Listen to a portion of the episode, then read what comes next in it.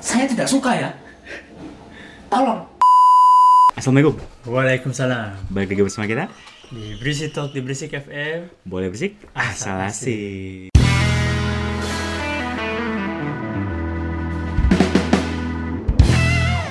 Nah, di kali ini kita tuh eh, pengen tema kita tuh tentang Papua Lim. Oh gitu ya. Iya, kali ini kita ngundang orang yang besar di Papua, Betul betul. em, udah banyak berkarya gitu di dunia dance ya Oke. asik. Nah kebetulan juga tuh dia ngik- sedang ngikutin komunitas dance yang bernama Freedom Squad Oh dari Papua tuh. dari Papua tuh. Keren keren. Nah Freedom Squad ini adalah komunitas dance yang dibuat di Jayapura, Hmm. terus memiliki banyak segudang penghargaan. Contohnya apa tuh? Em, dulu tuh kalau lu tahu Gatsby Competition kalau nggak salah ya. Jadi oh Gatsby yang ini ya. Yo, iya Sally. Nah, dulu tuh eh, Freedom Squad pernah ngikutin eh, ajang kompetisi di Indonesia, Hmm. terus juara juara satu. Mantap. Nah, habis itu dia pergi ikut lagi kompetisi di Jepang untuk Oh se go Asia. internasional. Yo, go Asia, internasional. Nah, di Asia itu dapet juara tiga. Hmm, hmm, hmm. Keren gak tuh? Keren banget sih itu. Nah. Mewakili Indonesia dan Papua ya. Genau. Keren keren. Nah, terus kayak eh, jadinya sekarang Freedom Squad ini punya komunitas juga di berbagai eh, Indonesia, udah Hmm. menyebar luas lah di Indonesia. Kayak contohnya ada di Makassar, Tangerang dan Sur- Sudah Surabaya dan Timika. cabangnya. Nah, makanya Mantap. kayak keren juga kan Iya. iya. eh, komunitasnya. Nah, temen gua ini namanya Fahri Matlawa Hmm. Yang kita undang. Nah, dia tuh salah satu dancer profesional dan koreografer anggota Freedom Squad gitu. Hmm. Nah, Fahri juga sudah banyak mengikuti lomba-lomba dance di Indonesia dan juga sering pun dan juga sering diundang di banyak acara di Indonesia untuk ngedance gitu. Mantap mantap. Ini temen lu dari SMA nih. Bener temen gue dari SMA nih. Waktu di Jayapura. Heeh. Keren keren. Nah, doi. kita bakal ngobrol sama dia Kita bakal ngobrol sama dia lewat Zoom. Lewat Zoom kali Nggak ini. bisa ke sini deh. Enggak sayangnya, enggak Sayang enggak sekali. cukup duitnya Joy. Duitnya nggak ada. Iya. Si miskin, miskin. Nah, biar Bisik FM tidak miskin, subscribe dan share ke teman-teman ya channel ini. Biar orang-orang pada nonton dan kita dapat AdSense. Iya.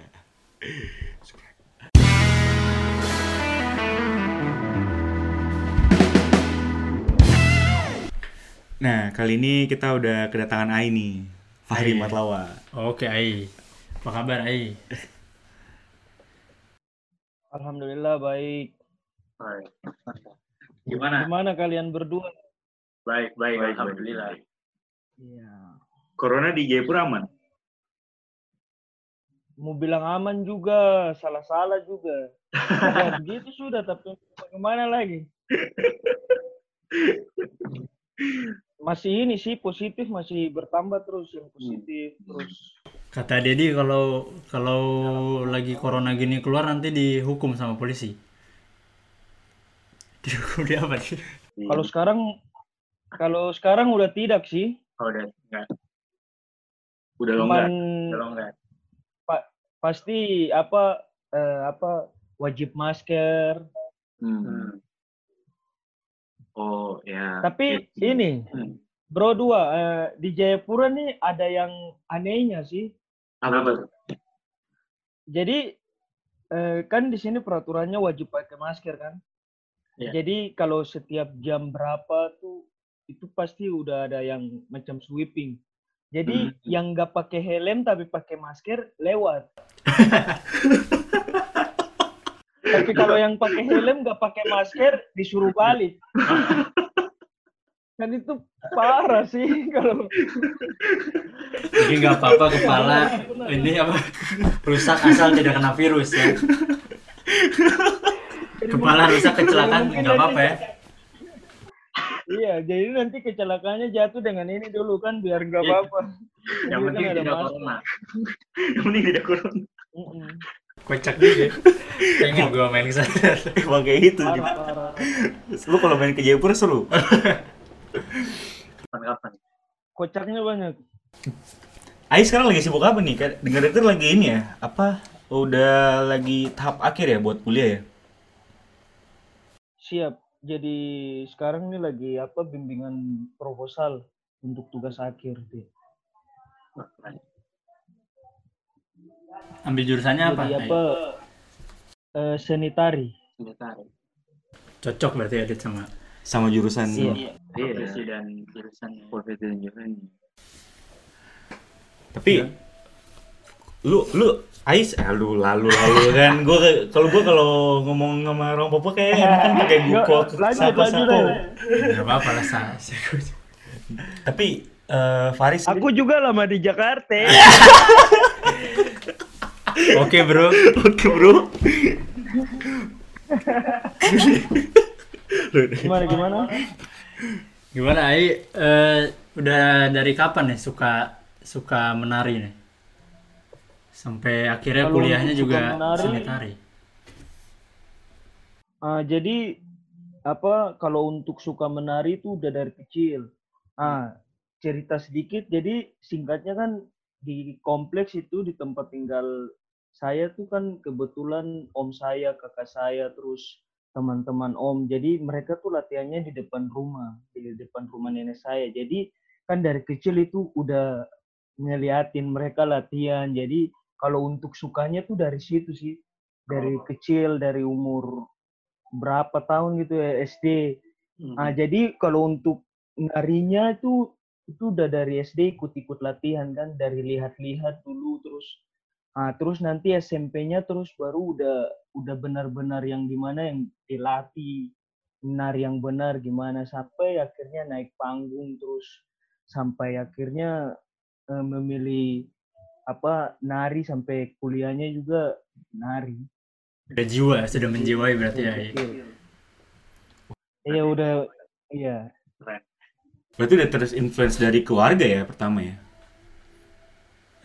Iya, kalau mau dibilang apa sudah turun temurun, iya juga sih karena dari om terus kakak saya juga tuh nari terus apa om-om saya terus saudara-saudara saya juga tuh nari juga. Tapi yang sampai saat ini yang masih eksis ya mungkin saya sih maksudnya karena kakak saya udah lulus kuliah terus dia lagi nyari-nyari pekerjaan terus dia lagi bisnis-bisnis kan terus om saya juga dia kan dia ngajar eh, S2-nya juga kan ta- eh, bukan tari sih seni Hmm. jadi dia masih tapi kalau untuk produktif untuk nari lagi sudah tidak karena dia lebih ke apa ya, dia sudah universal jadi semua seni itu dia udah Hmm. masukin jadi kayak gitu. Jadi dia tidak fokusnya nari aja. Kalau untuk eksistensi nari aja mungkin saya yang masih tetap sih. Kalau untuk om saya juga masih. Tapi dia lebih ke macam apa seni pertunjukan terus Hmm. seni-seni yang lain mungkin ke film sekarang sih dia. Oh lagi film ya. Iya, iya. Terus kayak terus lu Ai tuh sudah dapat apa sih? Maksudnya apa aja yang Ai udah dapat selama menari gitu dari kecil? Maksudnya eh, achievement apa ya? Pendap Jadi- penghargaan-penghargaan apa aja yang udah dapet atau Jadi ini alhamdulillah sebenarnya eh, sebenarnya tuh saya tidak nyangka juga dari nari ini udah sebenarnya kalau saya mau bilang tuh nari itu buat hidupku lebih berarti sih. Karena eh, yang saya tidak kebayangkan, yang saya tidak pernah bayangkan tuh saya dapatkan ternyata dari nari itu saya bisa bayangkan contohnya. Nah, saya pernah tuh waktu kecil terus SMP, SMA gitu kan, Dad, sama bro, eh, saya tuh apa selalu tuh dengar cerita dari teman-teman kan eh, mereka kalau masuk setelah libur panjang dari macam liburan semester kan Hmm. begitu masuk sekolah kembali kan pasti ditanya nih eh, coba ceritain apa waktu liburan kalian kalian ke mana ngapain aja di rumah? Terus coba ceritakan toh Ya. jadi itu kan kebiasaan kalau sekolah kan. Ya. Ah, jadi teman-teman saya tuh mereka tuh kadang tuh mereka ceritakan mereka punya holiday yang berangkat dengan keluarga ke Jakarta, Bali dan segala macam. Dan mereka ceritakan itu seru seru banget. Maksudnya dan di situ langsung saya punya hasrat untuk eh, ke Bali tuh kayak eh, kayaknya bagus. Dan saya juga kembali lagi berpikir bahwa ah itu kayaknya perlu budget yang banyak kayak gitu kan pulang dari Jayapura terus ke Bali.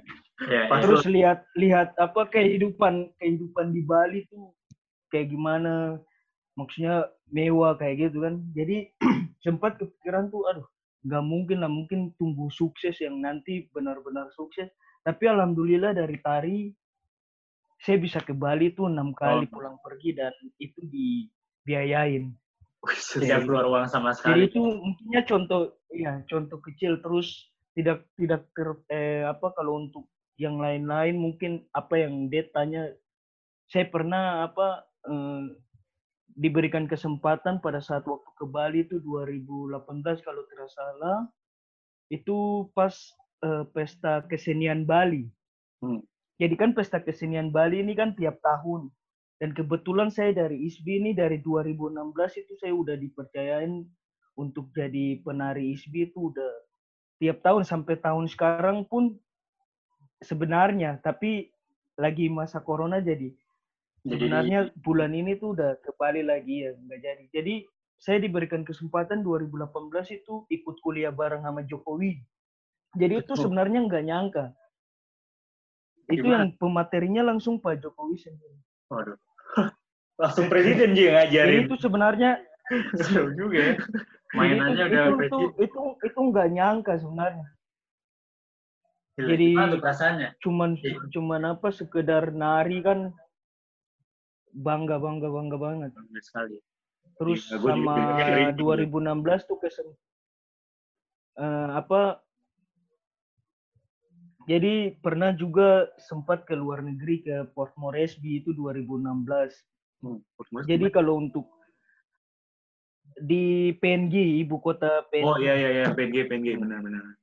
Nah, terus Eh, terus sebenarnya banyak sih apa yang kalau ditanya apa yang Ai dapat dari tari banyak. Yang pertama sih lebih dekat dengan banyak orang kayak gitu. Jadi maksudnya kalau apa penghargaan-penghargaan itu kalau salah satu yang mereka bilang yang paling itu tuh ketemu sama Jokowi sih walaupun itu ikut kuliah dan agak sedikit sebenarnya tidak jauh juga kalau untuk ini dekat banget maksudnya sampai nggak nyangka itu bisa sedekat maksudnya ini presiden orang nomor satu Indonesia iya. Iya. kita diundang lah kayak gitu Iya. jadi maksudnya kan kalau rektor rektor kami bilang tuh nggak semua punya kesempatan kayak gini jadi Hmm. Kalian bersyukur yang intinya sih bersyukur kayak gitu. Iya, kita juga iris. Gue sih iris. beberapa beberapa kali terus terus apa beberapa kali apa ke Jakarta dan kota-kota lain di Indonesia alhamdulillah udah udah beberapa kota yang nggak nyangka nggak nggak ngeluarin duit malahan malah Dibiayain ya dari tarik ya. dari- iya. jadi dari tari Jadi dari tari nih Dit bisa travel ke mana-mana nggak dibayarin. Udah travel ketemu presiden lagi. iya Tapi Ai ini dari fasilitas juga ditanggung Ai ini dari awal pertama kali nari udah emang tarinya tari Papua aja atau tari modern juga ya? Ah, jadi jadi sebenarnya tuh awalnya tuh saya belajar tuh hip hop dari Hip hop. Tapi sesekali tuh eh, diga- diajak teman-teman apa nari Papua. Jadi awalnya tuh nari Papua tuh cuman apa ya? Cuman Fun. selingan aja selingan. maksudnya. Iya kayak kayak mak- maksudnya lebih dominan apa hip hop. Hmm. Jadi terus besarnya juga sih kalau mau dibilang juga dari hip hop sih. Kalau untuk tapi sekarang udah benar-benar jatuh cinta dengan apa tari Papua malahan Papua ya? ingin melestarikan iya ingin Mantap maksudnya ya, misi ya. saya ke depannya ingin melestarikan Malah jadi kerasanya yang ah kayaknya yang bagus nih tari Papua sebenarnya dibanding hip hop. ah kayak gitu jadi kan pada saat masuk di akademisi ini langsung berpikiran bahwa hip hop kan budaya luar kan. Maksudnya padahal kita punya budaya ada. Nah, jadi eh, tapi kita bicara zaman lagi bagaimana kita menggandengkan dua budaya ini pasti kuat. Dan beberapa kali coba eksperimen buat gerak hip hop dengan Tarian gerak Papua. tari Papua banyak apresiasi dan itu mereka bilang unik dan beberapa koreografer koreografer atau seniman-seniman Papua yang eh, membawakan itu banyak yang terkenal contohnya ada Bang Jeko di Jakarta Ah, terus kenal tuh, ada kenal. Tahu.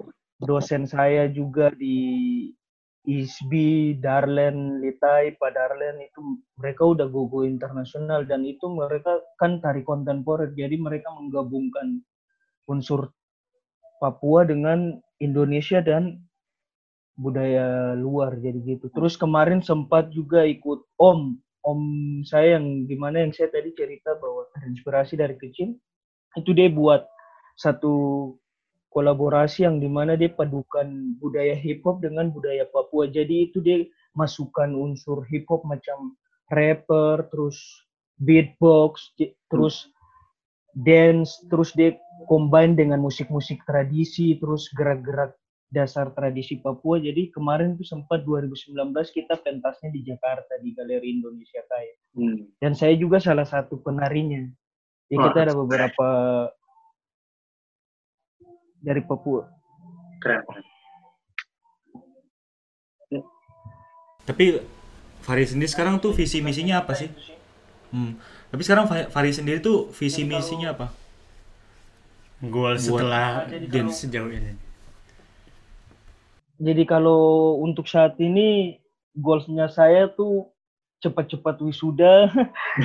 Terus eh, kalau setelah wisuda ini saya pengen buat satu company apa company di Jayapura yang di mana itu saya apa apa mengumpulkan beberapa teman-teman yang punya potensi yang bisa apa menggali eh membimbing dan bisa mengajak regenerasi untuk apa tetap cinta seni dan cinta tari sih. Itu impian saya kan, maksudnya goal saya. Iya. Jadi saya lebih edukasinya lebih ke timur sih maksudnya bagaimana? Karena pada saat saya masuk di ISBI ini baru saya tahu bahwa Papua tuh luas banget dan apa ragam sukunya tuh budayanya tuh beragam sekali jadi maksudnya sekarang kita tugasnya kita akademisi ini yang wajib melestarikan dan jadi itu sih Tapi gara-gara dari kecil suka nari nih sampai besar gitu. Terus eh, kuliahnya juga kuliah seni tari. Tuh kuliah seni tarinya jadi susah nggak? ya? Atau gara-gara udah biasa nari jadi ah kuliah seni tari easy lah. Easy. Nah, kalau kalau saya kalau saya tuh saya bersyukurnya makanya saya makanya saya bilang eh, apa cintai apa yang kau kerjakan gitu Ya. maksudnya dari kecil saya udah nari pada saat saya kuliah tuh saya rasa mudah sih Ah. maksudnya dalam arti untuk bergeraknya tuh mudah Halo? tapi memang ada beberapa materi yang memang agak sedikit rumit Hmm.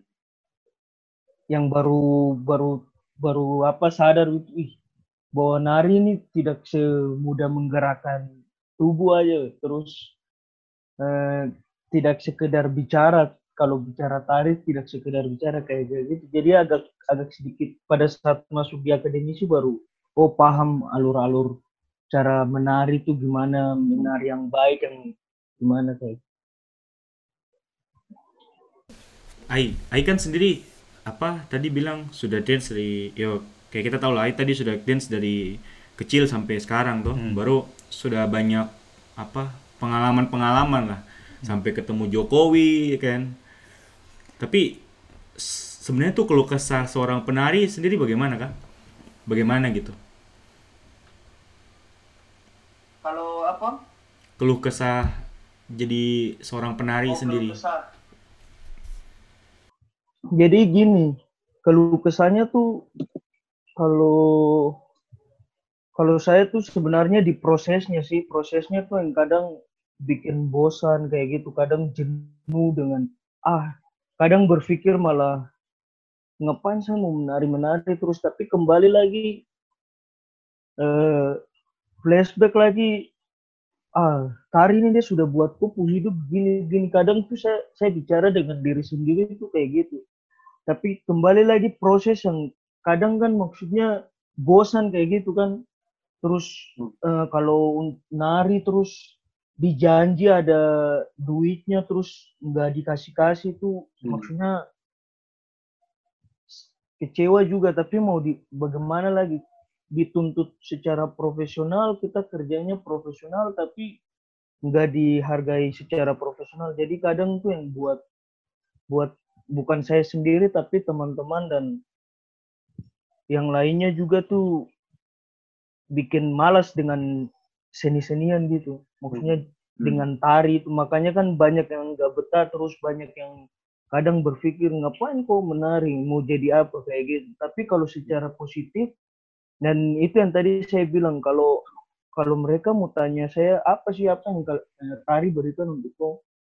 Apa yang kau dapat dari tari kayak gitu. Saya cuman bilang bahwa tari buat saya punya hidup berarti. Maksudnya saya tidak eh, apa menyusahkan kalian malahan saya menghibur. Maksudnya ketika saya ada di Iya. panggung ketika saya menari kan kalian terhibur dan alhamdulillah itu menurut saya itu yang positif Berarti untuk saya sih kalau untuk keluh kesahnya banyak Hmm. Tapi kan di Eh. apa di ngomong-ngomongin apa segala ya netizen, netizen, netizen Indonesia selalu benar. Iya. Tapi Ai kan dari nari ini katanya udah sampai lomba ke ini ya antar Asia ya. Eh bukan bukan dia, Eh. omnya. Oh omnya. Heeh. Kalau iya ya kalau Ai sendiri gitu selama ini nari ke sana kemari gitu sampai ke Jakarta terus eh, ke Bali juga itu dari pemerintah eh, daerahnya dari pemprov Papuanya sendiri itu men- ada mendukung nggak? jadi Ah, jadi kalau untuk pertanyaannya saudara dua tuh, jadi kebetulan saya punya grup tari tuh yang namanya Freedom Squad dan di 2018-2019 tuh mereka menang kompetisi secara nasional di Jakarta terus mereka diberikan kesempatan di 2019 itu goes to Jepang dan mereka dapat peringkat ketiga di Jepang. Dan itu yang eh, personilnya tiga orang itu kedua squad itu salah satunya om saya. Ah, terus kalau untuk komunitas saya sendiri apa bantuan dari pemprov? Jadi sampai saat ini belum sih karena mungkin sebenarnya mereka buka kan ada jalur-jalurnya katanya. Jadi kita yang harus proposal terus kita yang harus buat komunitas ini punya apa lisensi ke apa Hmm. kayak gitu kan maksudnya untuk akta-akta akta komunitas jadi bisa terdaftar di ah itu baru bisa diberikan bantuan. Tapi untuk saat ini tetap komunitas kita berdiri masih metodenya masih tetap kekeluargaan. Maksudnya baku saling bantu gitu. Jadi ada kekurangan fasilitas apa teman yang mengisi. Nggak tidak tidak bergantung ke pemerintah sih karena mungkin itu salah satunya di akta akta komunitas kita tuh belum ada. Hmm. Tapi nggak mau dibikin gitu ay, maksudnya. Tapi nggak mau dibikin gitu ay, maksudnya Freedom Squad. Ya kalau di sini ya, kalau di sini di Jerman sendiri juga emang em, komunitas-komunitas yang itu tuh memang mereka buat lisensi mendaftarkan ke pemerintah agar nanti pemerintah juga membantu mereka mendonasikan kan. Nah, eh, Freedom Squad sendiri nggak nggak nggak nggak pengen kayak begitu kah? Atau pengen maksudnya membuat lisensi agar nanti kan kalau ke depannya kalau kalian punya apa ya punya suatu eh, Prestasi. prestasi gitu atau suatu kreativitas yang kalian bikin gitu kan kalian bisa bikin copyright gitu jadi kayak orang nggak bisa mengcopy eh, eh, has- hasil karya kalian gitu karya-karya kita gitu iya Iya. Jadi kalau untuk eh, pengennya pengen pengen pengen banget maksudnya sebenarnya kita udah coba tapi eh, sebenarnya di sini kan mereka tuh lebih utamakan sanggar-sanggar seni. Jadi Hmm. kalau untuk komunitas kan kita kan jatuhnya ke modern hip hop kan jadi itu kan budaya budaya luar kayak gitu itu mungkin yang agak agak su- sulitnya tuh di situ terus dinamanya kan uh, uh, ke barat-baratan kan freedom squad kayak gitu Hmm.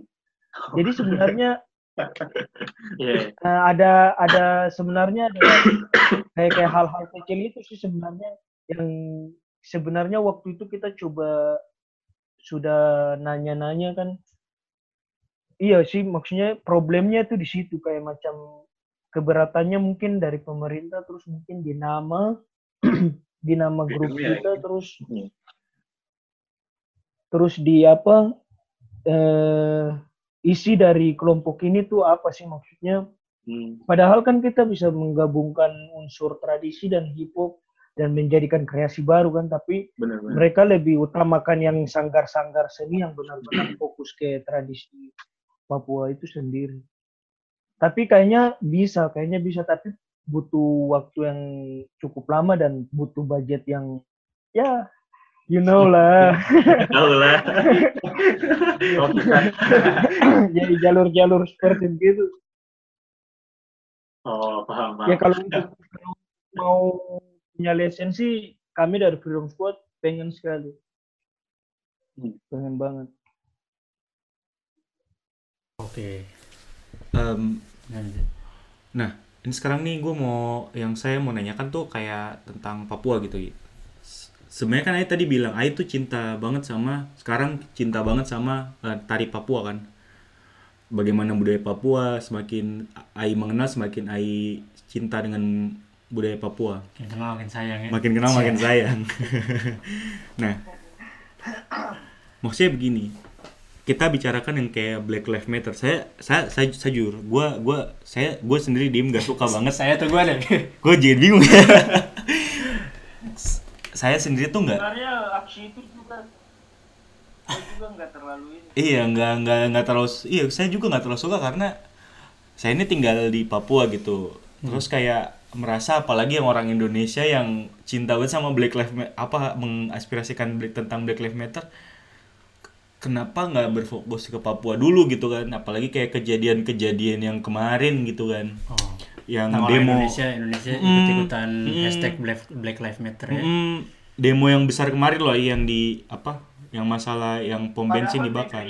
Negeri negeri sendiri kan di dalam Indonesia kan ada saudaranya yang Iya, iya. mengalami itu. seperti itu terus nggak dilihat kan itu yang apa eh, lihat postingan-postingan ikut teman-teman pantau terus ada yang nulis eh, gajah di seberang ana eh apa semut di seberang ana bisa dilihat tapi gajah di negeri sendiri nggak bisa dilihat Iya, benar benar benar. Maksudnya, jadi jadi kalau untuk aksi itu sebenarnya saya pribadi sebenarnya apa karena saya saya rasa dan saya alami di Jayapura Papua sendiri tuh banyak teman-teman saya yang apa ya mau bilang di rasisme atau apa itu banyak sebenarnya. Tapi alhamdulillah kan sebenarnya sebenarnya gini itu sebenarnya kalau menurut saya itu propaganda media sih. Ya. karena karena apa? Kenapa di Amerika maksudnya negara yang besar itu aja bisa langsung kan memang Amerika kan langsung jadi sorotan kan? Terus padahal di Papua juga sebenarnya rasakan seperti gitu dan menurut saya itu apa ya kak? Sebenarnya ngomongin ini tuh sebenarnya saya tidak punya apa ya karena berat sebenarnya bro. Ya cuman cuman kalau untuk saya mewakili teman-teman saudara-saudara saya di Papua tuh sebenarnya kecewa aja. Maksudnya ya tapi dengan aksi kemarin saya rasa Papua akan kembali di dilihat sih. Maksudnya dan saya berharap juga aksi-aksi gitu udah nggak ada. Sebenarnya di Indonesia tuh mudah-mudahan kalau itu harapan saya sih. Karena gini saya saya pernah diskusi sama teman saya. Dia di Jogja Orang asing. Dedi Dedi kenal pasti Dedi kenal. Dedi kenal. Si Eka. Iya iya iya Kayak- ngomongin enggak enggak. Ada temen SMA gua sama Ai. Temen SMA gua sama Ai. Jadi nggak apa-apa nih cerita cerita Oh, sedikit kan? Temen ya. Nah, jadi dia dia tiba-tiba ngedem saya kan. Karena saya saya eh, apa posting di Instagram saya tuh sebenarnya tuh semua jadi cari sensasi sebenarnya yang di mana pada saat eh, is- eh, masalah di Amerika dan semua langsung tiba-tiba hashtagnya ke Papua apa Life is Matter kayak itu. Hmm. Jadi kan itu sebenarnya kalau menurut saya sebenarnya semua cari panggung sih ya dan pada saat corona seperti begini kan mau tidak mau kan ikut-ikutan semua kan maksudnya kan aktivitasnya pasti ke WhatsApp, Facebook, YouTube terus sosial media doang kan. lah ya Ah, itu saya kan. temennya apa Jadi aja cuman ya. cuman cuman repost repost gitu aja maksudnya pada saat eh padahal mereka tuh nggak nyadar gitu "Wah, ternyata dulu nih saya nggak suka dengan apa ngatain orang Papua gini gini nggak nggak nyadar padahal mereka sendiri udah melakukan itu dan pada saat isu itu terjadi mereka malahan bela-bela gitu. Jadi kembali lagi ke kesadaran diri sih maksudnya. Ah terus singkatnya teman saya si ngedem saya kan dia bilang gini, "Hai menurut kamu rasis itu apa sih? Apakah itu eh, apakah jadi dia bilang apakah itu eh, itu untuk si kulit hitam aja atau gimana? Karena dia berpikir gini, dia dia, dia alami keluarga dia alami dia kebetulan juga di Jayapura, keluarganya di Jayapura tapi dia lagi studi di Jogja. Dia bilang bapak saya, mama saya, terus adik saya tuh bahkan dibully dengan kayak malak-malak gitu orang-orang Papua kan di sini kan juga malak kan. Hmm, oke Jadi dia rasa itu sebenarnya tuh itu itu rasis maksudnya dipukul lah, di apalah dan dan dia bilang kenapa tidak kan kebanyakan banyak orang pendatang kan yang dibuat gitu kan. ya Ah langsung saya bilang gini, kembali lagi ke sebenarnya kita sih. Saya berikan dia apa sebenarnya tidak membela siapa pun tapi saya bilang kembali lagi ke kesadaran diri Eka. Kita sama-sama sebenarnya pendatang terus kita dari berbagai daerah dan kita harus hargai Papua tempat kita mencari maksudnya mencari hidup. Jadi ya mau tidak mau kita harus hargai eh, sekeliling kita terus menghargai orang orang-orang asli sini kan. Tapi dia bilang tapi menurut saya tuh sebenarnya yang kalian lagi suara-suarakan tuh sebenarnya tidak tidak balance. Saya bilang benar. Bahkan kalau menurut saya tuh rasis tuh ketika orang kulit hitam juga katain orang kulit putih itu sebenarnya rasis. Tapi kembali lagi rasis ini kan eh, yang mereka ini kan konteksnya Waduh, Ya. Oke, kita Oke. putus. terputus. Nanti kita akan sambung lagi dengan Bro Fahri. Masa teknis. Nah, ini lagi seru-serunya. Lagi lagi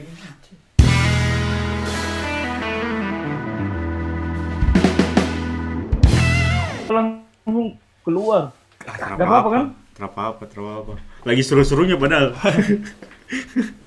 lanjut lanjut lanjut, lanjut, lanjut, lanjut. Tadi sampai mana ya? sampai ini kan ini? Terapa apa, terapa apa, terapa apa. Terapa apa.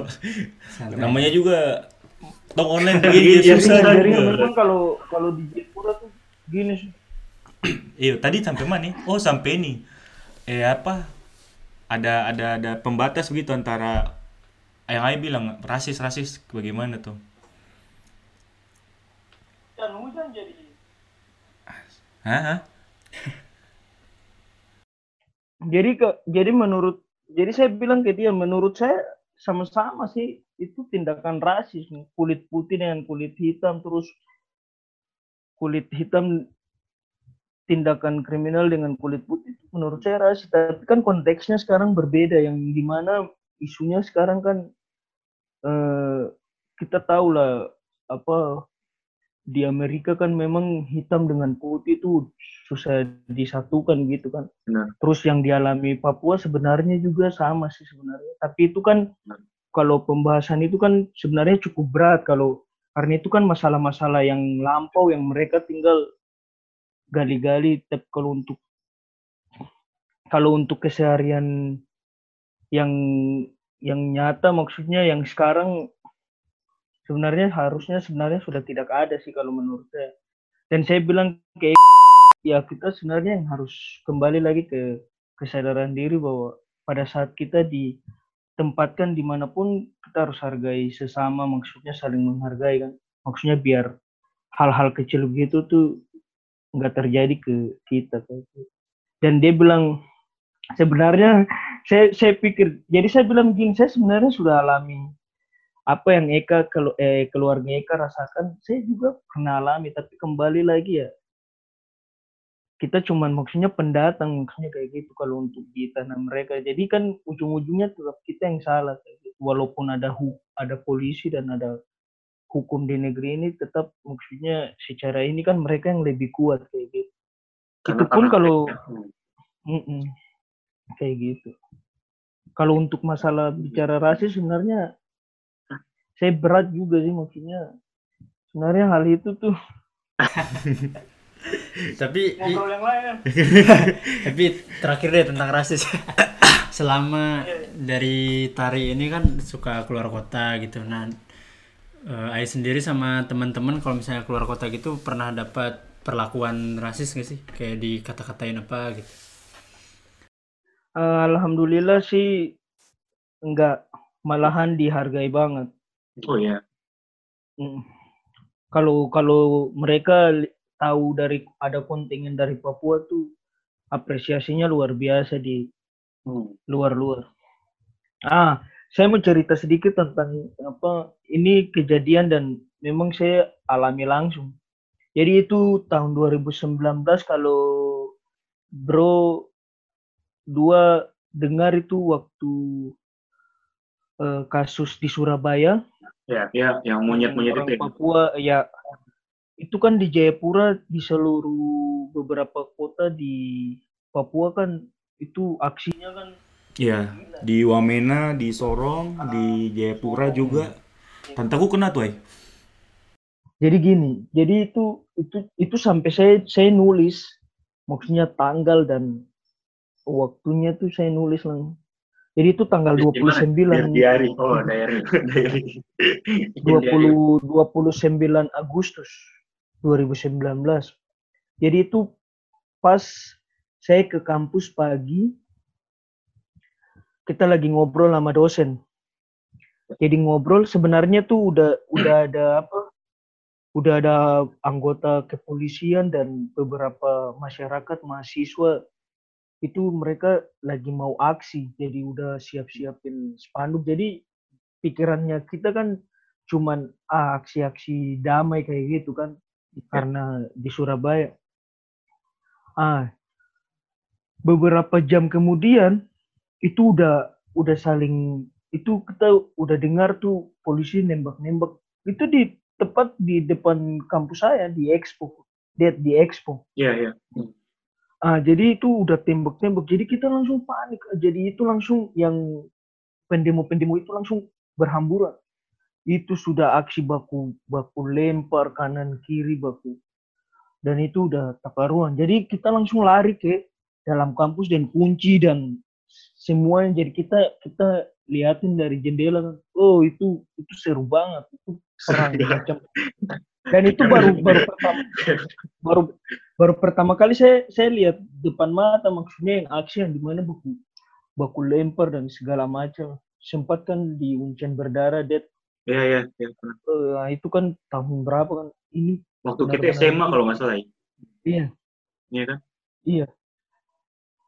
Eh, jadi pada saat itu hari itu tuh lihat, wih itu mereka udah dengan pakaian adat dan atribut-atribut bintang kejora dan segala macam.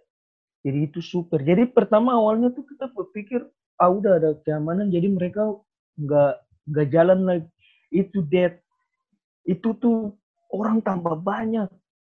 Maksudnya pendemo-pendemo itu mungkin mereka pakai apa kasih informasi kan itu tambah banyak dan dan hari itu juga pada saat di diamankan sudah damai kan jadi ke kepolisian dengan masyarakat.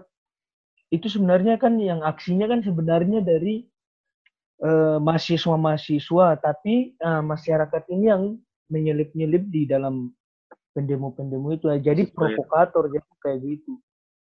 Ah jadi aksi itu tuh langsung ricu pas aman mereka dikumpulkan kan jadi itu kan mereka mau ke gubernur mau jalan ke gubernur kan itu dia tahu dari expo mereka jalan sampai di kota Itu kira-kira jauh banget loh. Itu kayak berapa 20 20 km ya ya. kilometer, gila Jauh paling ya. Makanya perjalanan kayak kalau jalan kaki tuh dua jaman kan? gila Dua jaman ya. Jauh banget. Kalau jalan kaki tuh ya. baru kan di Jayapura kan gini kan Iya, di Jayapura tuh naik turun naik turun ya Iya, Jayapura tuh geografisnya gunung, jadi Hmm. naik turun naik turun orang-orang gitu. Itu capek banget loh, dua jam. demi demi ketemu gubernur ini jadi mau ngobrol sama aksi itu aksi damai jadi itu kan mereka ada beberapa titik jadi ada yang di depan uncen terus ada yang di expo jadi mereka nunggu kan dari segala penjuru maksudnya yang dari kabupaten masa-masanya kan tapi sebenarnya kalau menurut saya kalau menurut saya itu mereka udah memang rencanakan sih. Ah setelah itu udah udah aman. Sudah kita kita yang di kampus itu mulai mulai Keluar. pulang. Jadi Ya. polisinya tuh udah buru-buru cepat-cepat yang mau ke arah kota tuh cepat-cepat. Ah pada saat saya mau eh, nabrak ini pendemo-pendemo itu langsung polisi dia palang langsung dia bilang ini sudah bisa masalahnya ini bendera Papua udah naik dan sudah ih, udah batu melayang kanan kiri jadi itu tuh dari Megawaina itu toko-toko sepanjang jalan itu udah pecah-pecah semua itu jadi sampai udah mereka kayak di Amerika kemarin eh, kayak di Amerika itu yang sampai mereka masuk ke dalam toko terus ngambil barang-barang apa Iya. Itu segala sebenarnya udah terjadi di Papua ya 2019. Udah, udah. pada Itu- saat hari itu saya cuma kepikiran tuh keluarga aja maksudnya keluarga di Entrop maksudnya mereka nelpon kok di mana? kayak gitu. Saling ini kan komunikasi. apa?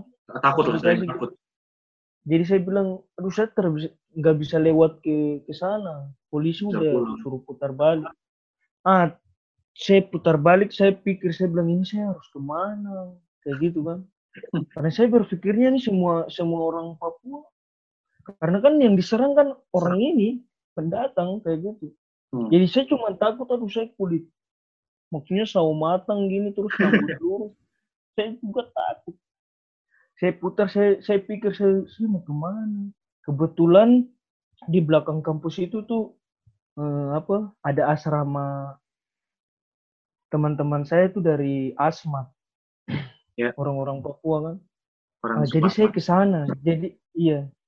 Jadi saya saya berpikir saya dalam hatinya aduh mereka mau nampung saya tidak tuh. Jadi kayak gitu. Sudah saya bicara ke mereka baik-baik dan alhamdulillah saya diterima. Malahan mereka bilang jangan. Malahan mereka yang asli orang Papua pun juga takut dalam aksi itu. Hmm. Karena tidak dan ini yang saya mau sampaikan ke Bro dua di aksi itu tuh pada saat itu tuh sebenarnya tidak semua orang Papua mau memberontak tidak tidak semua tidak semua orang Papua juga setuju dengan aksi itu dan banyak orang Papua yang merasa rugi dan istilahnya kasihan dengan pendatang yang dirusak-rusakin usaha-usaha yang yang ada tuh Hmm. jadi saya saya nginep satu malam di situ dia saya nelpon saya nelpon orang tua saya itu jaringan tuh Itu Tapi sama pemerintah ya waktu itu ya. Diberhentikan kan waktu itu kejadiannya. Ya itu susah juga tuh ngabarin ke keluarga. Akunya. itu susah itu saya saya stres. Sampai saya bilang malam ini juga saya harus ke ke rumah saya. Hmm. dan di situ orang-orang bilang jangan. Daerah Entrop udah. Sudah ini udah bakar-bakar. Dan saya dapat informasi terakhir tuh dari tante saya tuh. Dia nelpon dia bilang jangan kok pulang. Jadi cuman itu saya jangan kok pulang. Karena di Entrop ini udah saling bakar-bakar. Dan itu saya pikir itu saya tidur malam tuh nggak bisa malahan saya langsung tulis ke- kejadian itu dan makanya sampai saat ini saya dan paginya saya pulang saya lihat sepanjang jalan dari Expo sampai ke Entrop Satu kilometer tuh di eh bukan satu kilometer, ber 10 10 kilometer. satu jam Enggak, Entrop itu tempatnya itu dia kalau di Jayapura ini dia posisinya di tengah-tengah. hmm. Nah, jadi kalau Expo itu kalau ini ya letak geografinya buat temen-temen tahu gitu ya. Iya. Dia tuh Expo itu dia kalau nggak salah terlalu agak ujung-ujung ya ya. Agak ke arah mau di airport. Perbatasan gitu. Ya ada bandara. Hmm. Nah, itu kalau di tempatnya itu dari situ kira-kira naik kalau naik motor 30 menitan lah ya. Hmm. Iya nggak sih Ai? Iya. 30 menitan. Jadi kalau ya itu sepanjangnya mungkin kayak gimana ya?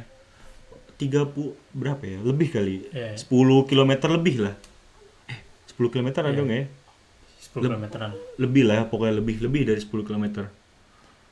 Jadi itu sepanjang jalan dari pulang dari asrama teman itu jujur itu air mata jatuh. Maksudnya kasihan dengan itu sepanjang jalan tuh hancur. Mau kasihan di mana?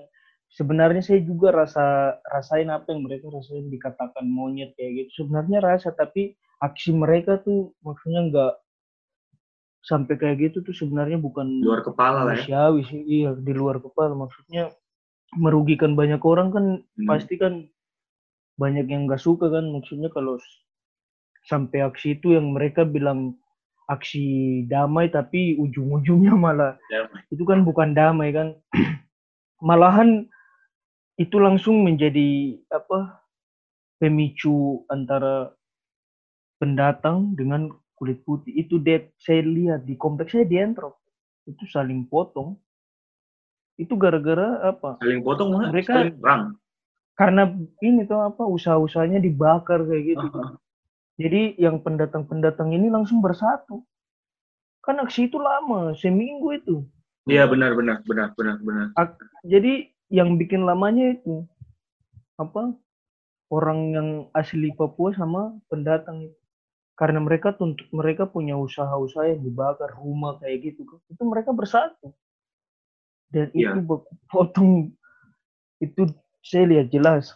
Kalau mau ceritain panjang deh So- soalnya soalnya Dim, Kalau- itu itu emang kejadiannya tuh parah. Maksudnya itu tuh sampai kantor apa ya yang em, DPR DPR DPR Hmm. itu dibak dihancurin. Terus ada pom bensin Dibakar. bensin dibakar toh itu Meledak juga. ya? dibak meledak. Di pom bensin ada dibakar kan ai di situ? Kalau yang ke arah ini ke tidak kalau di Sorong kalau di Sorong. Di- bukannya yang ke arah ini ke arah apa namanya? Kalam Kudus itu. Pelabuhan pelabu- pelabuhan pelabuhan tuh di ya itu. Itu kan dibakar kan? Oh, iya. oh ya di pelabuhan tuh dibakar. Itu jadi Ah, runtuh bener runtuh Hmm. sebenarnya ini apa eh, di di pom bensin tuh udah mau kena udah mau kena. Jadi oh itu udah mau kena ya? bukan kena. Iya. Untung untung nggak nggak nggak ini. Nggak sampai pom bensinnya kalau itu habis sudah kota. Iya lah. Banget anjir gue. eh, eh, Parah, parah. itu pak itu emang parah dia jadi kejadian Ais sedikit cerita ya.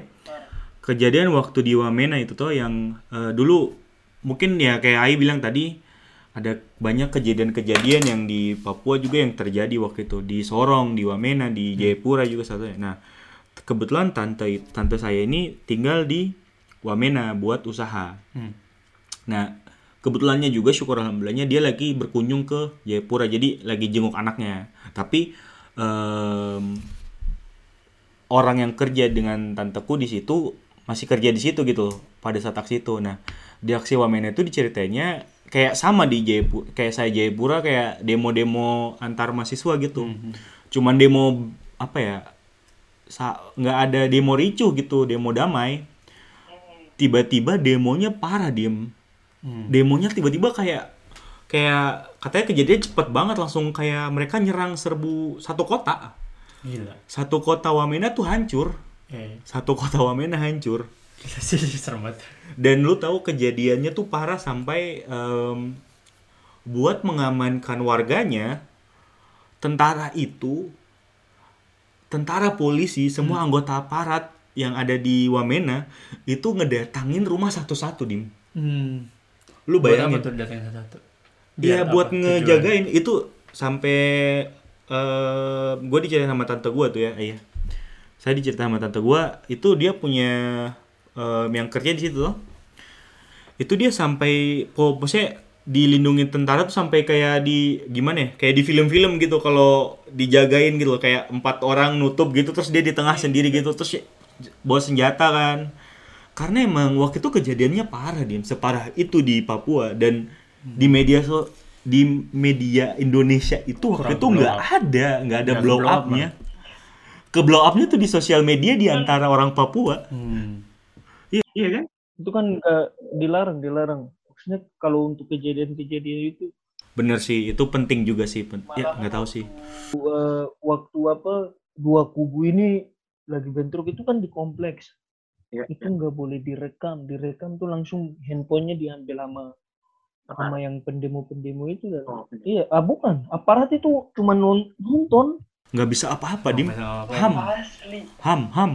Oh, iya. ham ham. Lebih sensitif ya kalau ham. Itu ham. Gila. Ya, maksudnya eh, bersyukurnya saya pernah alami itu dan saya sedikit sharing, tapi sebenarnya cerita-cerita begitu kan maksudnya maksudnya ya bisa kita bagi maksudnya siapa tahu ada yang mau ke sini coba kita sharing hidup di sini harus seperti bagaimana kan. Menurut saya seperti itu terus kita juga harus hidup ke daerah mereka juga sebenarnya harus begitu maksudnya saling menghargai, Saling Maksudnya menghargai. dari kejadian iya jadi kejadian begitu tuh langsung saya berpikirnya tuh ya itu sebenarnya kembali lagi ke apa saling menghargai sih Iya benar. Ya kita juga sharing kayak cerita kayak begini bukannya kita mau apa ya memecah belahkan tidak. Kita kan mau sharing kejadian waktu itu jadi teman-teman yang mungkin nggak tahu ya jadi tahu gitu. Jadi Hmm. eh, matanya juga sadar gitu akan Papua gitu. biar orang-orang yang update Black Lives Matter tuh sadar, hey dari dulu Papua sudah lebih parah, kenapa kamu baru bersuara Black Lives Iya. Matter sekarang? Iya, ya? iya. Merinding sih mendengar. Iya, kita dan saya rasa eh, kalau untuk mau ini kan apa sebenarnya di Papua tuh cukup cukup kuat sebenarnya maksudnya kerukunannya macam Benar. orang pendatang dengan mereka sendiri sebenarnya akur cuman yang kejadian kayak kemarin aja tuh ya yang blow up di media dan Sebenarnya Dan- itu kan saya bilang makanya saya bilang sebenarnya tuh media tuh orang otak perkara sih. Dalam arti yang mereka bisa membolak-balikan ini kan sebenarnya hal sesimpel itu maksudnya hal sesimpel itu mereka nambahin yang masalah yang lalu mereka ungkit lagi kayak kayak gitu. Iya benar. dan dan beberapa teman-teman saya kan saya sharing diskusi sama teman-teman apa saudara-saudara Papua saya sendiri tentang beberapa kejadian yang kita sama-sama alami yang seperti yang demo kemarin terus isu-isu yang kemarin banyak yang sebenarnya berpikir ya itu yang alhamdulillah mereka punya mindset maksudnya udah udah tidak yang lagi gampang terprovokasi gitu. Jadi mereka berpikir bilang ah itu mereka punya aksi itu sebenarnya nggak terlalu penting sebenarnya itu cuman ada apa ya mau dibilang ada di ada U di balik B lah maksudnya kayak gitu. Sebenarnya itu kan cuman kepentingan kepentingan kan. Iya benar. Ya. Ya jadinya kita sendiri juga kejadian tahun lalu ya itu ya. Menjadi apa ya dewasa gitu. Papua kan lebih menjadi dewasa. Hmm. dan kita juga share maksudnya yang gue cerita share tadi gitu dim yang sama Ai cerita itu juga kita share karena untuk mendewasakan kita lagi lebih gitu. Dan kita nggak ada maksud unsur men Menjelekan, menjelekan salah satu pihak. salah satu pihak nggak ada. Kita cuman sharing kasih tahu kejadiannya seperti itu ya. Dan biar kayak gua yang Bener. nggak pernah tinggal di Papua dan tidak pernah ke Papua Bener, pun tahu gitu bener. seperti apa benar perspektifnya. benar Wah udah eh, tegang sekali. Tegang ya? Dengar cerita Oh, tegang ya Ai Itu aja. dia? Kayaknya ini deh nge-freeze. Freeze. Ai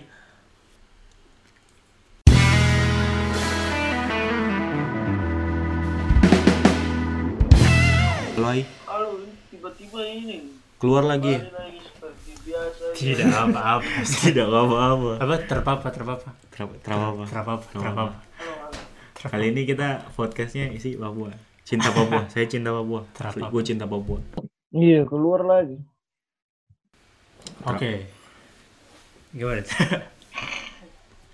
Nadim dengerin Ai Nadim dengerin cerita lu sama gua Tadi aku cerita lu lah merinding, merinding sekali sih. Nggak pernah kayak karena kan kalau di media tuh kayak udah denger berita ya udah gitu. Tapi sekarang ngelihat cerita panjang gitu dan dan Ai pun langsung apa ada di tempat langsung gitu ya di TKP-nya bagaimana keadaannya terus Ai pun bingung harus ke mana gitu. Kayak wah kalau gua di situ kayaknya gua akan menangis. Serius. Itu kejadian itu tuh sempat aduh itu itu udah takut sekali udah takut. Karena polisi aja nggak tahu. Dia bilang putar balik. Saya bilang ini saya ke mana? Maksudnya ke arah ke arah kabupaten atau bagaimana? Dia bilang terserah terserah kamu aja. Saya bilang, "Wah, maksudnya polisi aja udah udah Bingung. maksudnya udah ketakutan juga kan kayak gitu. Jadi memang kejadian itu selama beberapa hari tuh dead ini itu jalan sepanjang ah, itu tuh sunyi. Dan lampu-lampu jalan itu udah udah Hancur. mati aja. Jadi kita macam di jalur Gaza. Serius serius Iya. jadi jadi kita pada saat eh, selesai itu kan, jadi jadi apa kita coba lewat lewat gitu kan. Itu asli. Itu mobil dibakar jadi bangkai-bangkai mobil itu. Terus kios-kios yang pakai apa pakai mobil kan pakai itu yang dibikin-bikin kios-kios pakai mobil itu hangus. Dan itu asli. Sepanjang jalan itu dibakar semua itu gila konyol. Dan semua pegang apa alat tajam itu sepanjang jalan itu pendatang. Jadi jalur entrop itu semua pendatang. Jadi mereka kalau lihat jadi itu udah udah dua kubu yang ah sebenarnya hal ini sebenarnya nggak terjadi ya. Itu makanya saya bilang aksi damai yang merugikan dan kembali lagi yang tadinya kita berpikir bahwa demo itu cuman jalan habis tapi malahan tambah panjang gitu. Jadi sampai saat ini kalau untuk apa pikir ke kembali lagi ke situ eh, gila saya bilang malah malah beberapa tetangga-tetangga terus saudara-saudara teman saya tuh cabut pulang ke Jawa terus balik ke Sulawesi kayak gitu. Jadi mereka bahkan mereka udah berpikir tuh ini masalah ini nggak nggak bakalan kelar kan itu itu kan kalau eh, bro dua dengar itu kan eh, apa anggota kan dikirim kan? Iya, bener. dari Ja- Jakarta. Ja- Sulawesi untuk ah, Iya, Sulawesi, Jakarta dikirim untuk untuk ini. Itu selama satu satu bulan mereka jaga. Itu Iya. setiap setiap kompleks setiap tempat tinggal tuh mereka ada semua. Mungkin dari penjelasan Ai ini kan kita balik lagi ke yang tadi ya Dim ya, yang tentang kiriman tentara itu kan itu banyak loh Ai. Kalau mungkin Ai pernah dengar eh, pas berita itu dikeluarkan tentang pengiriman tentara-tentara orang pada takut. Maksudnya Hmm. banyak negatif gitu negatif. Tapi ternyata pada saat kita dengar cerita ini dan itu penting dan make sense pa- perlu. Iya nggak sih? Perlu tentara itu turun. Perlu perlu turun membantu membantu ya dalam kutip ya nggak tambah mericuhkan gitu. Kan orang kalau udah dengar tentara datang tuh kayak gimana gitu. Iya tapi sekarang kalau dengar ceritanya jadi jelas ya. Mhm. saya masih speechless sih. Saya tidak bisa ngomong apa-apa. Jadi pengamanan. Pengamanan tuh langsung ketat super ketat. Gila. kita udah sejaman loh sejaman lebih loh kita podcast. Terlalu asik. Terlalu asik. Asik. Harus bikin part 2 kalau tadi bro tadi bro siapa Nadim, Nadim, Nadim.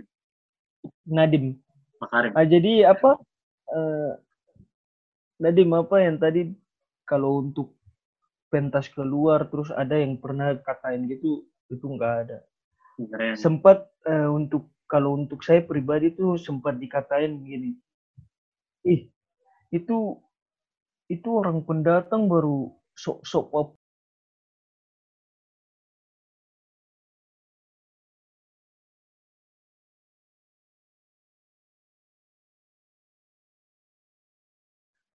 iya jadi kan gitu maksudnya ih eh, kamu pakai pakai pakaian ada terus nari itu pencitraan kayak kayak gitu kan.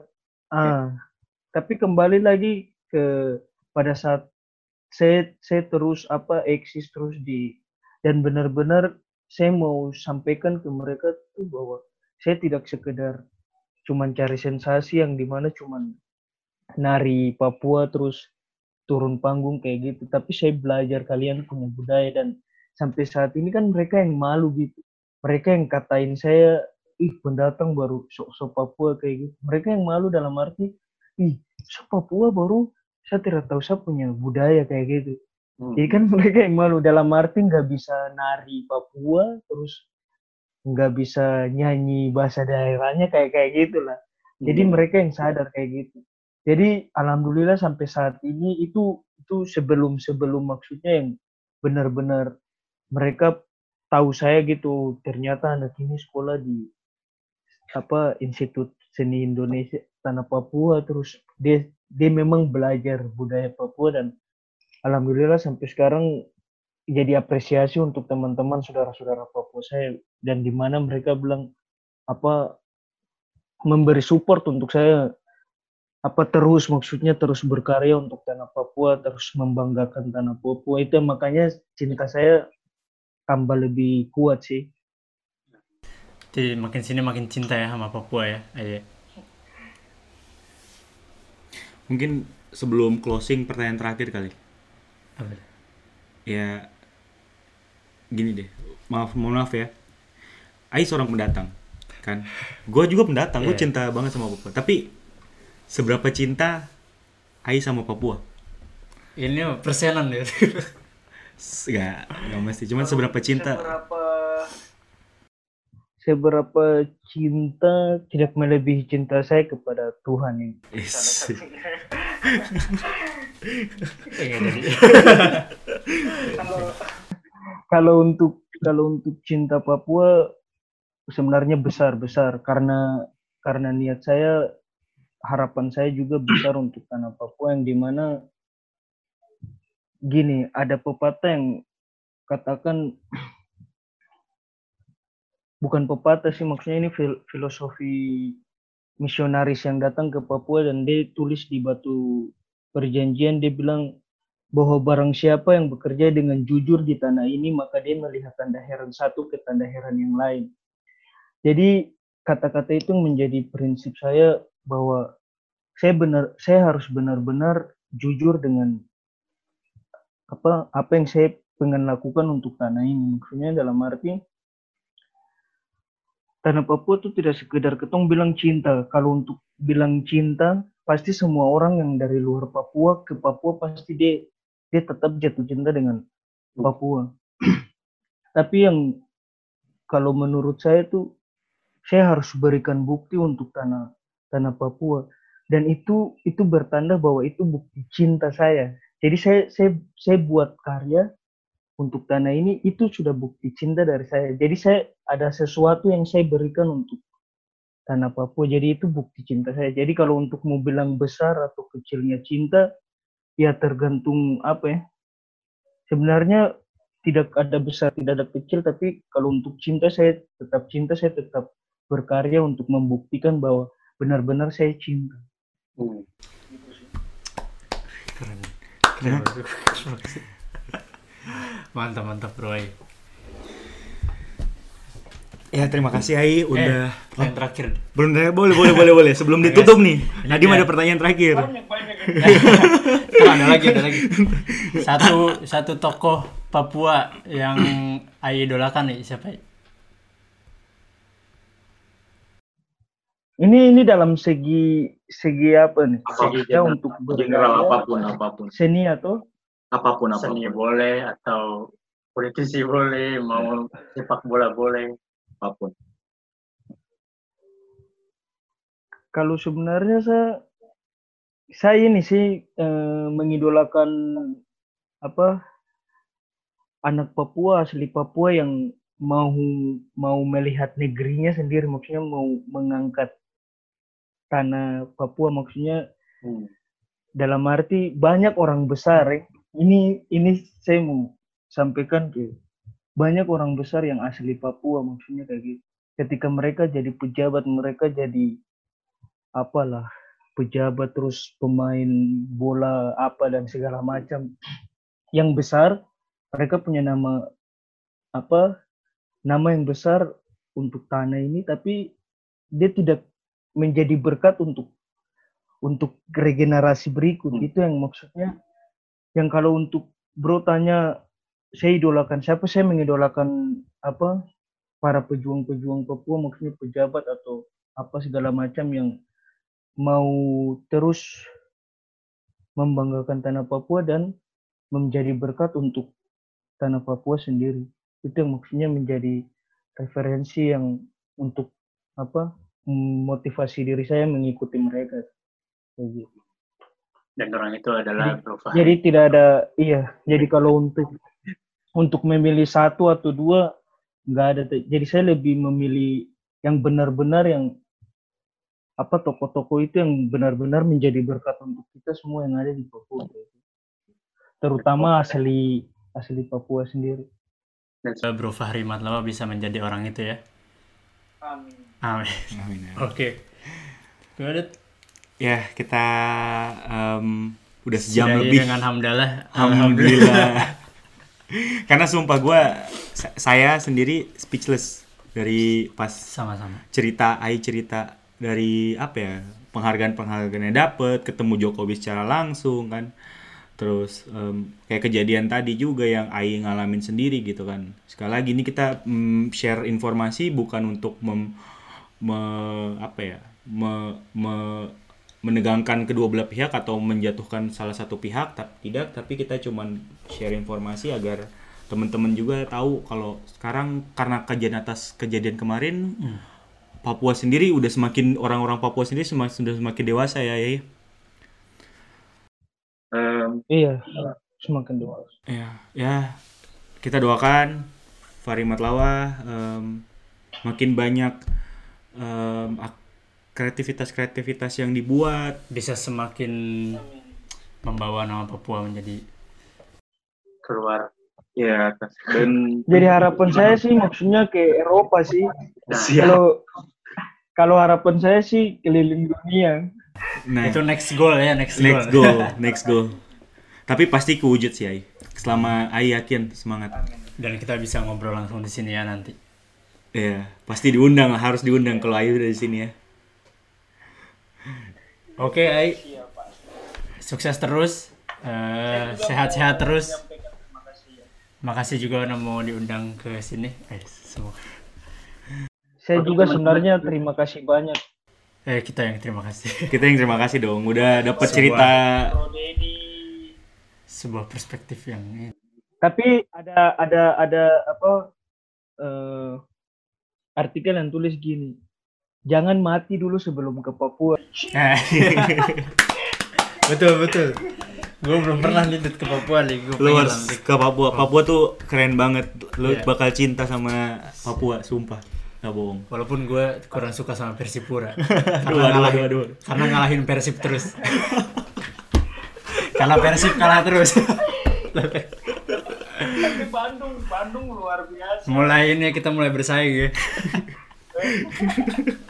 Oke. Oke, Dit, sudah tidak mulai sudah tidak kondusif topiknya. Bro Dedi terus Bro Nadim, saya pribadi minta maaf kalau ada kata-kata yang kurang Tidak. atau kita aja minta maaf. Bang. informasi juga yang salah tapi saya coba sharing benar-benar apa yang saya alami apa yang saya rasain terima kasih untuk sudah un- undang saya di podcast ini Ya. mudah-mudahan studinya lancar kerjanya Amin. lancar di sana Amin.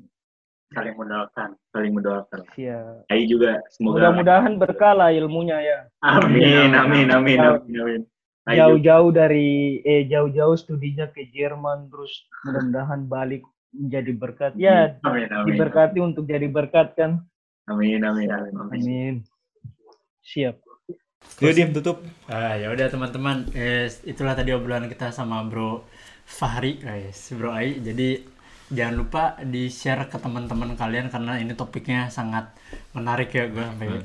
merinding sih Dan gue berharap sih sebenarnya kita siapa tahu ke depannya kita masih ada konten-konten yang membahas tentang eh, daerah misalkan ke daerah Papua dan Yang orangnya ter- lebih ini iya. lagi dan daerah-daerah yang tidak terblow up oleh media media ya. Jadi Ya. jadi orang semakin mengenal karena kita juga eh, salah satu orang yang untuk menyebarkan informasi-informasi gitu. Iya.